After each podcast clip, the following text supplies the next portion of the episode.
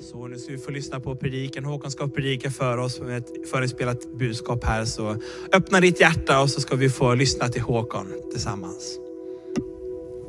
Ja, hallo mine venner i Örnsköldsvik. Eh, Nå skal jeg prøve å synge en norsk sang til dere først her. Jeg håper dere får med teksten. Det er min bror som har skrevet den, og det er en sånn seierssang som gjelder påsken, Jesu oppstandelse.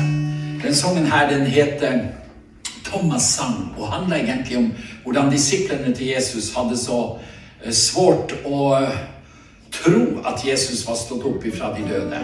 Men hør på teksten her. Han lever, han lever, han lever. Jesus er stått opp igjen. Han er ikke lenger i graven, nei. Nå har jeg møtt Frelseren. Han lever, og jeg skulle få lov til å gå med beskjed om at Jesus han lever fremdeles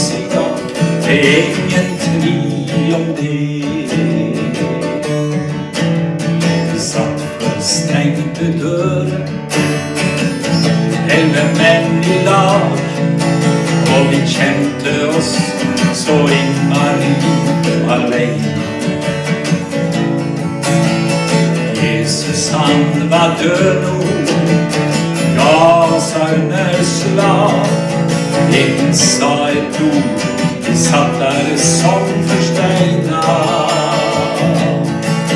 Men så hørtes raske foter, det ble banking på våre støv. Vi åpna, og Maria storma inn og ropte hør.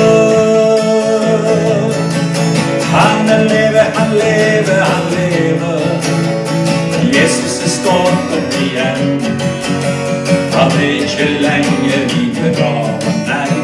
Nå har jeg møtt Frelseren.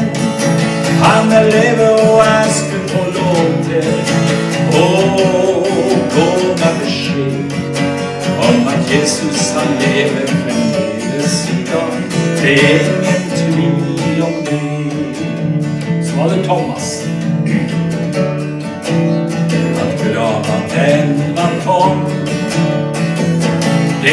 greit nok det.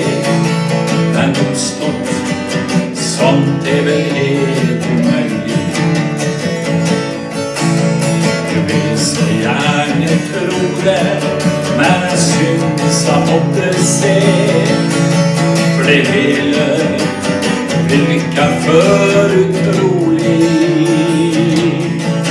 Men plutselig så står han der. Thomas, er jo meg. Kom, kjenn på mine. Hvis det kan hjelpe deg. Han lever, han lever, han lever. Jesus er stått opp igjen. Han er ikke lenger i begraven, nei. Nå jeg møtt Frelseren. Han lever, og jeg skulle få lov til gå med beskjed om at Jesus han lever fremdeles i dag. Det er ingen tvil om det. Nei, det er ingen tvil om det.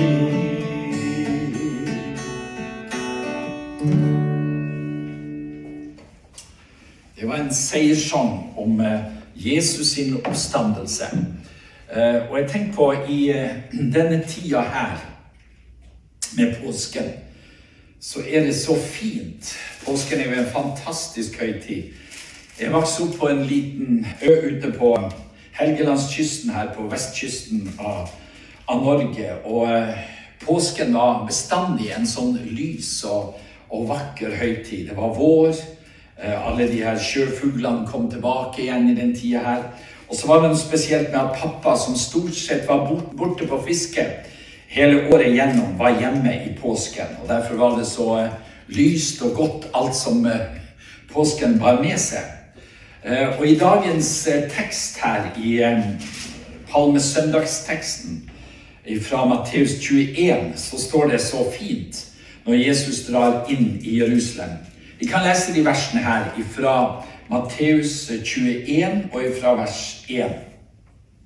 Da de nærmet seg Jerusalem og kom til Betfage ved Oljeberget, sendte Jesus to av disiplene av sted. Og han sa til dem, gå inn i landsbyen rett foran dere, og straks skal dere finne et esel som er bundet, og en eselfole sammen med det.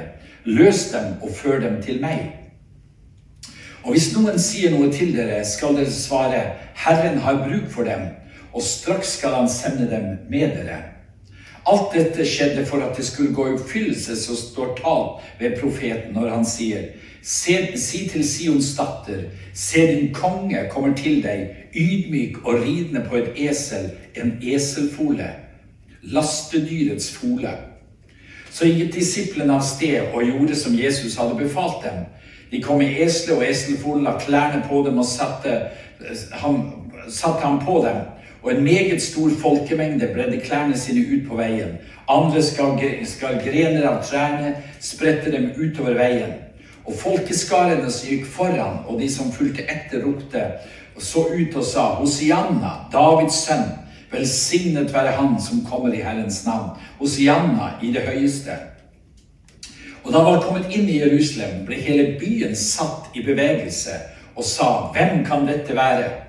Da sa folkemengden dette er jo Jesus, profeten, han som kommer fra Nasaret i Galilea. Og ja, hallo, mine venner i Ørnskjølsvik. Eh, nå skal jeg prøve å synge en norsk sang til dere først her. Jeg håper dere får med teksten. Det er min bror som har skrevet den, og det er en sånn seierssang som gjelder påsken, Jesu oppstandelse. Med søndagsteksten fra Matteus 21 så står det så fint når Jesus drar inn i Jerusalem. Vi kan lese de versene her fra Matteus 21 og fra vers 1. Da de nærmet seg Jerusalem og kom til Betfage ved Oljeberget, sendte Jesus to av disiplene av sted. Og han sa til dem, gå inn i landsbyen rett foran dere, og straks skal dere finne et esel som er bundet, og en eselfole sammen med det. Løs dem og før dem til meg. Og hvis noen sier noe til dere, skal dere svare, Herren har bruk for dem, og straks skal han sende dem med dere. Alt dette skjedde for at det skulle gå i oppfyllelse som står talt ved profeten når han sier, si til Sions datter, se din konge kommer til deg, ydmyk og ridende på et esel, en eselfole, lastedyrets fole. Så gikk disiplene av sted og gjorde som Jesus hadde befalt dem. De kom med esle og eselfolen, la klærne på dem og satte ham, satte ham på dem. Og en meget stor folkemengde bredde klærne sine ut på veien. Andre skal, skal grener av trærne sprette dem utover veien. Og folkeskarene som gikk foran, og de som fulgte etter, ropte og så ut og sa, Hosianna, Davids sønn, Velsignet være Han som kommer i Herrens navn. Hosianna i det høyeste. Og da han var kommet inn i Jerusalem, ble hele byen satt i bevegelse og sa, Hvem kan dette være? Da sa folkemengden, Dette er jo Jesus, profeten, han som kommer fra Nasaret i Galilea. Og så gikk Jesus inn i Guds tempel og drev ut alle dem som kjøpte og solgte i tempelet og veltet bordene til pengevekslerne og stolene til den som solgte duer. Og han sa til dem, det er skrevet, mitt hus skal kalles et bønnens hus, men dere har gjort det til en røverhule. Da kom det blinde og lamme til ham i tempelet, og han helbredet dem. Men da øverstepresten og de skriftlærde så de underfulle gjerninger han gjorde, og barna som ropte i tempelet og sa Hosianna, Davids sønn, ble de forarget, og de sa til ham, Hør du hva disse sier? Og Jesus sa til dem, ja, men har dere aldri lest fra spedbarns og diebarns munn, har du beredt i lovprisning? Deretter forlot han dem og gikk ut av byen til Betania, og han overnattet der. Eh, denne teksten her, som er palmesøndagens tekst her i Norge i alle fall, den er en fantastisk flott tekst om eh, den ydmyke tjener Jesus som eh, inntar Jerusalem på en eselfole. Og nettopp den profetien som var sagt i forbindelse med det, Eh, ifra, hvis du leser fra vers 5 i kapittel 21 i Matteus, så står det Si til Sions datter, se din konge kommer til deg, ydmyk og ridende på et esel, en eselfole, lastedyrets fole. Eh, Dette forteller om den eh, måten som Jesus opptredde på i ydmykhet. Han var konge, han var kongenes konge. Og allikevel så kommer han ridende inn i byen som denne ydmyke tjener, ridende på et esel og på en eselfole sto det her. Og så ser vi hvordan det skapte oppstandelse i byen. I vers ti um, her så står det at hele byen ble satt i bevegelse. Og det uttrykket som er brukt der for bevegelse eh, Egentlig på grunnteksten så er det samme ordet som brukes for en jordbevning. At, når jorden skalv, altså hele byen var rista og skaka ut av det som skjedde ved at Jesus kom til byen. Og folkemannen, dette er profeten, han fra Nasaret i Galilea. Jesus er i byen. Og så tenkte jeg på hva det skaper når Jesus kommer inn til et sted. Eh, hvordan eh, Guds rike kommer i bevegelse. Hvordan mennesker blir møtt av Gud, og hvordan lovprisning. Hosianna ropte de. Velsignet være Han som kommer i Herrens navn.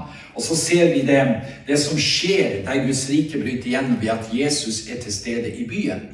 Og det er vår bønn og det er vår lengsel at det også skal skje på vårt sted og i vårt land. At det blir på en måte en, en jordbævning pga. at Jesus er til stede med sin kraft.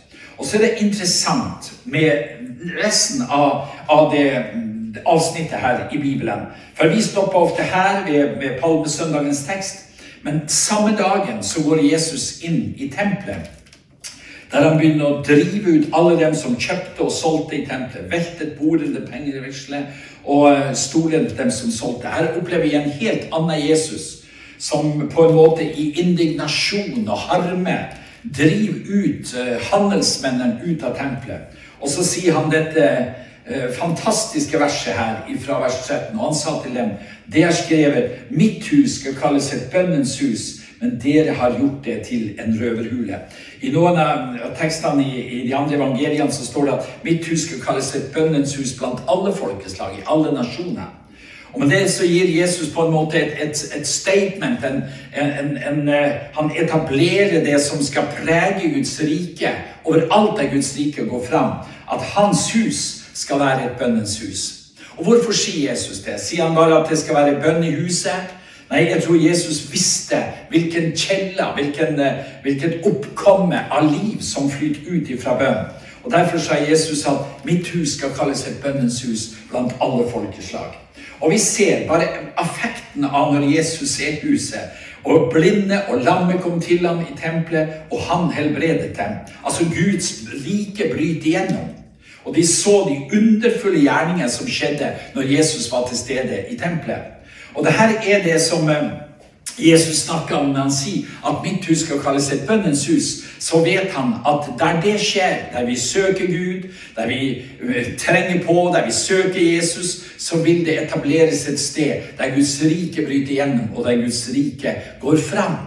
Og Sånn ser vi hvordan i, utover hele Guds ord så er det så knytta opp det her med gjennombrudd for Guds rike og bønnelivet som er i forkant og under en aksjon eller under en, en, bevegelse fra himmelen, så skjer det noe der det bes til Gud. Og det her visste Jesus. Der er kjellene. Det er der livet flyter ut når vi søker Guds ansikt på denne måten her.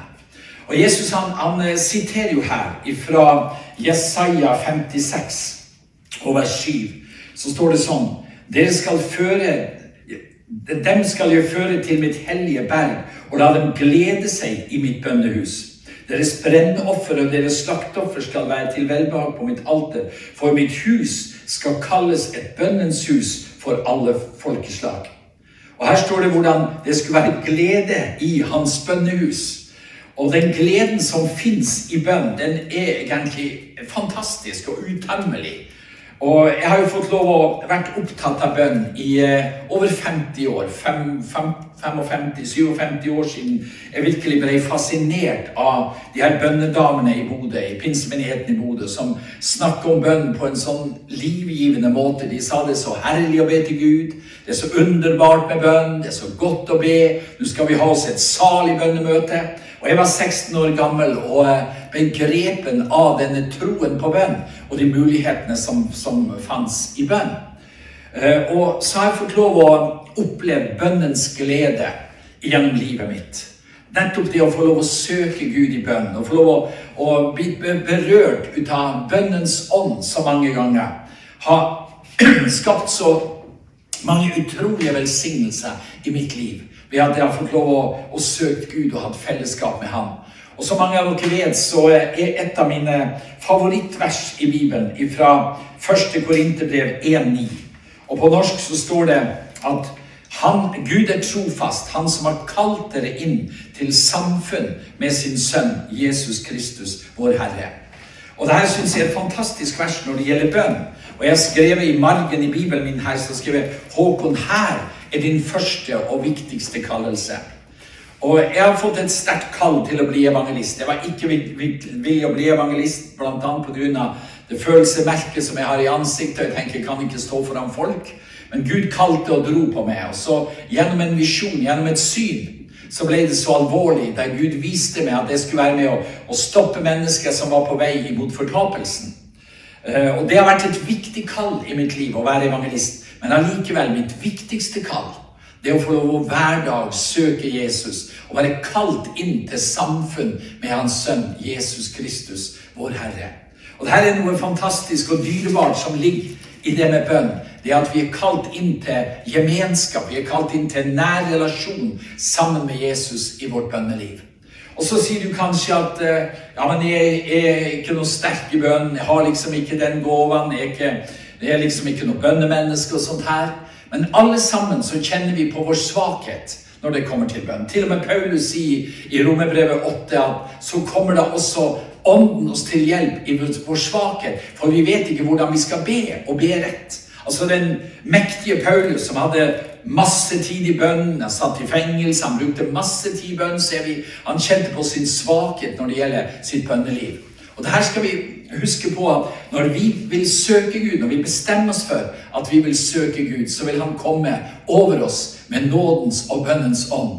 Hvis du vil jobbe på lag med Gud, så skal du søke Han i bønn, og så vil Han salve deg med bønnens ånd og være en styrke og en hjelp i ditt liv. For i ditt liv, i ditt indre, så har du en iboende bønepartner som heter Den hellige ånd. Som bor i ditt hjerte, og som står med deg i bønn. Og så står det i tillegg at vi har en, en bønnepartner på høyresiden av Guds tron, som heter Jesus Kristus, som lever for å gå i forbønn for oss. Så hvis du vil søke Gud og be, så vil du oppleve at det kommer en sånn styrke fra himmelen og en sånn hjelp inn i ditt liv, der Guds rike bryter gjennom i ditt liv og ut ifra ditt liv når du ber. For mange år siden så fikk jeg lov å stå i en sterk vekkelse oppe i nord, i Finnmark. En liten uh, stad som heter Karasjok. Det er 2800 mennesker som bor i, i Karasjok. Det er en, en samebygd der oppe. Og den tiden så var det voldsomt mye selvmord oppe i Finnmark. Og spesielt den plassen var hårdt ramma ut av en selvmordsvåg som, som hadde kommet over bygda. Tolv unge mennesker hadde tatt sitt eget liv i løpet av ganske kort tid. Og Det var stor fortvilelse. Myndigheter visste ikke hva de skulle gjøre. Og så er det pingstpastoren som ringer til meg og sier 'Håkon, kan du komme og hjelpe oss?' og evangelisere. Og Den tiden så hadde jeg et stort team. Jeg hadde ti unge mennesker som reiste med meg på forskjellige steder rundt om i Norge.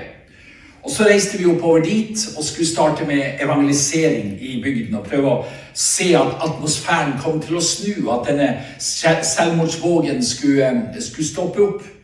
Men før vi kom, så hadde tre forbedre som hadde bedt på en spesiell måte, og flere sikkert også med. Men det var spesielt tre enkle mennesker som lå på sine knær i Pingstkirken i, eh, i Karasjok. I flere måneder hadde de ligget der hver dag, og de har ropt i sin nød til Gud at Gud, du må komme til Karasjok.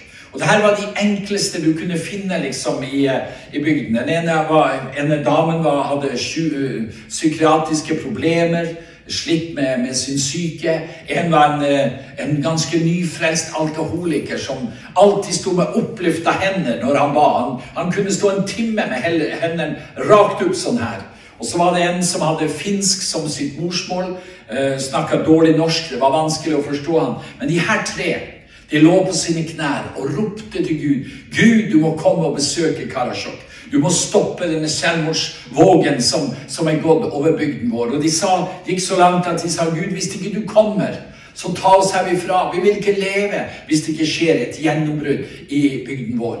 Og så kom vi opp, og så møtte vi den eh, depresjonen, vi møtte det, det mørke, vi møtte den åndskampen som, som var i Karasjok. Og det var så hardt og så tøft og så mørkt. Vi fikk masse skoletimer, vi var på pub og diskotek, vi var ute på gata. Men ingenting skjedde. Det var helt låst.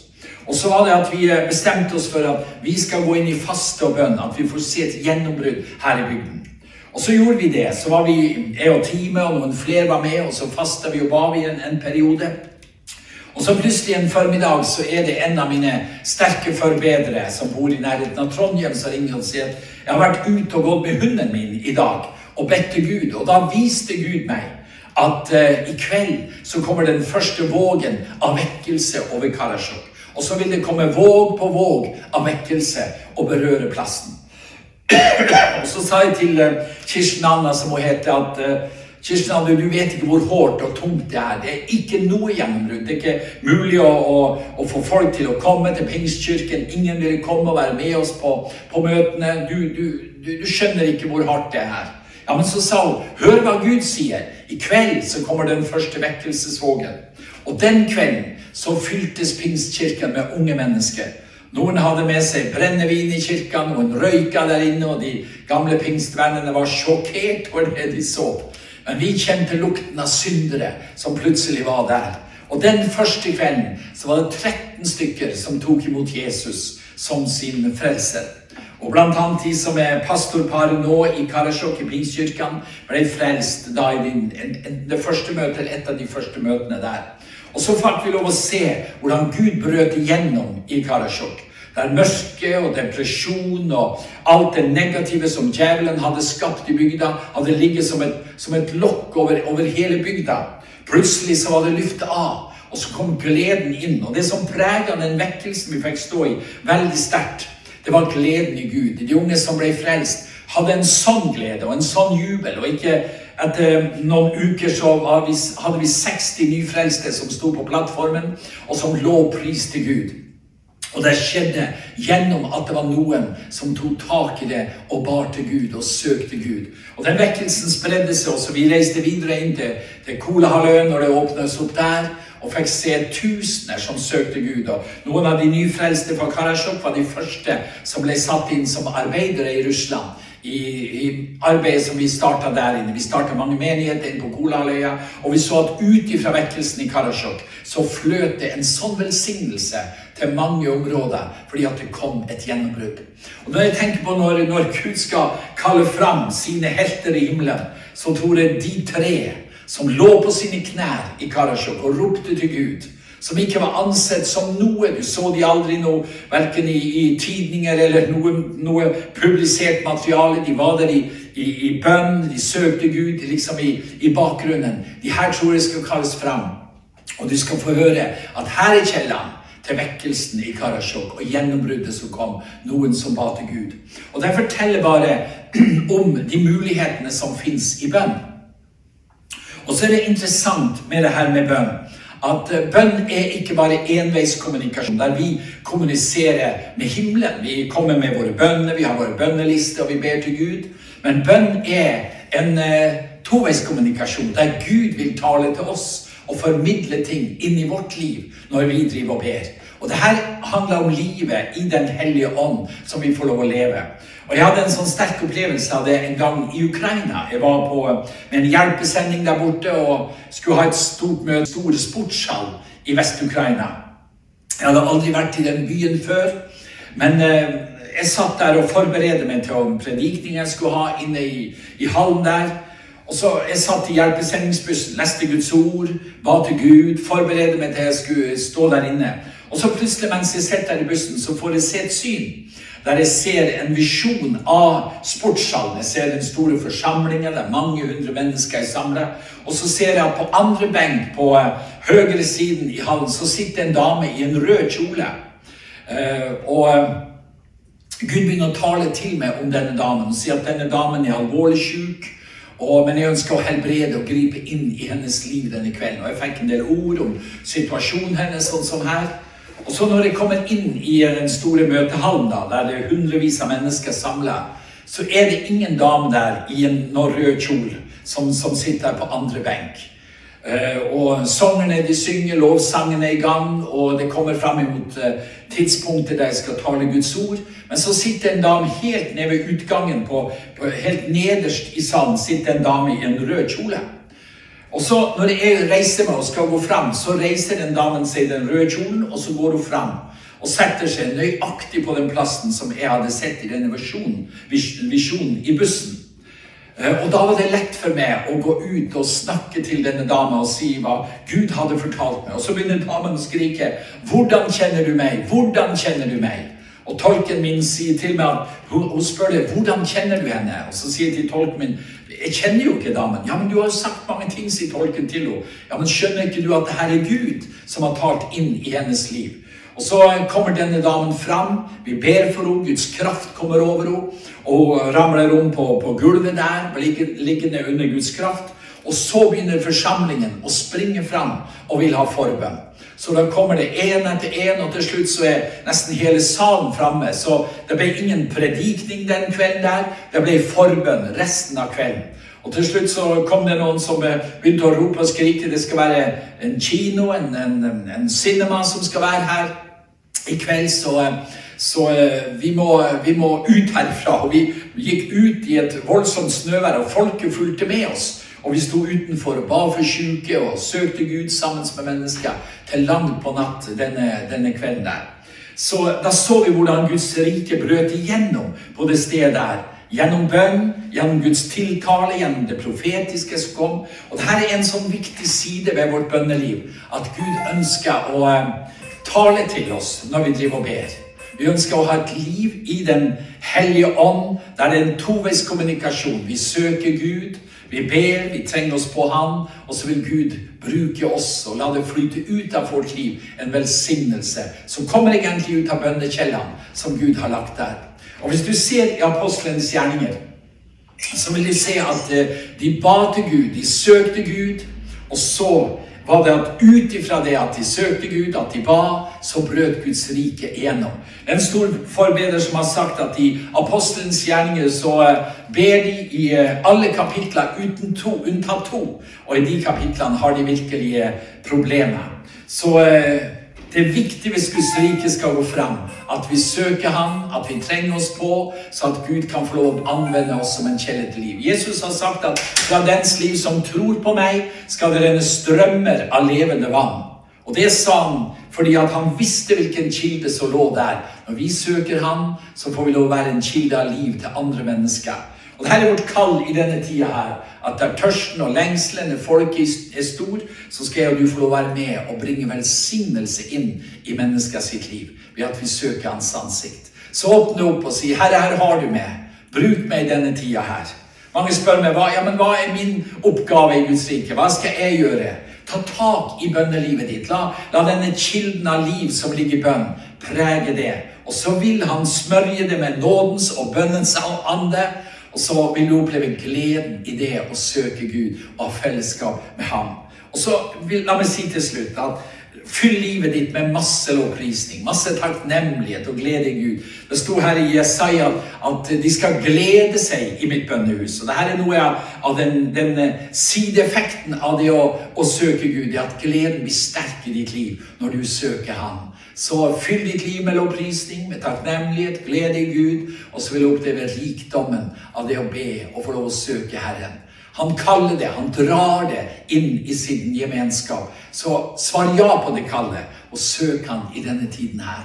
Og så vil Gud bruke deg som et redskap i sin tjeneste. Herre, må du velsigne mine venner i Ørnskjølsvik. La masse av din nåde være over deres liv. La Guds rike gå fram.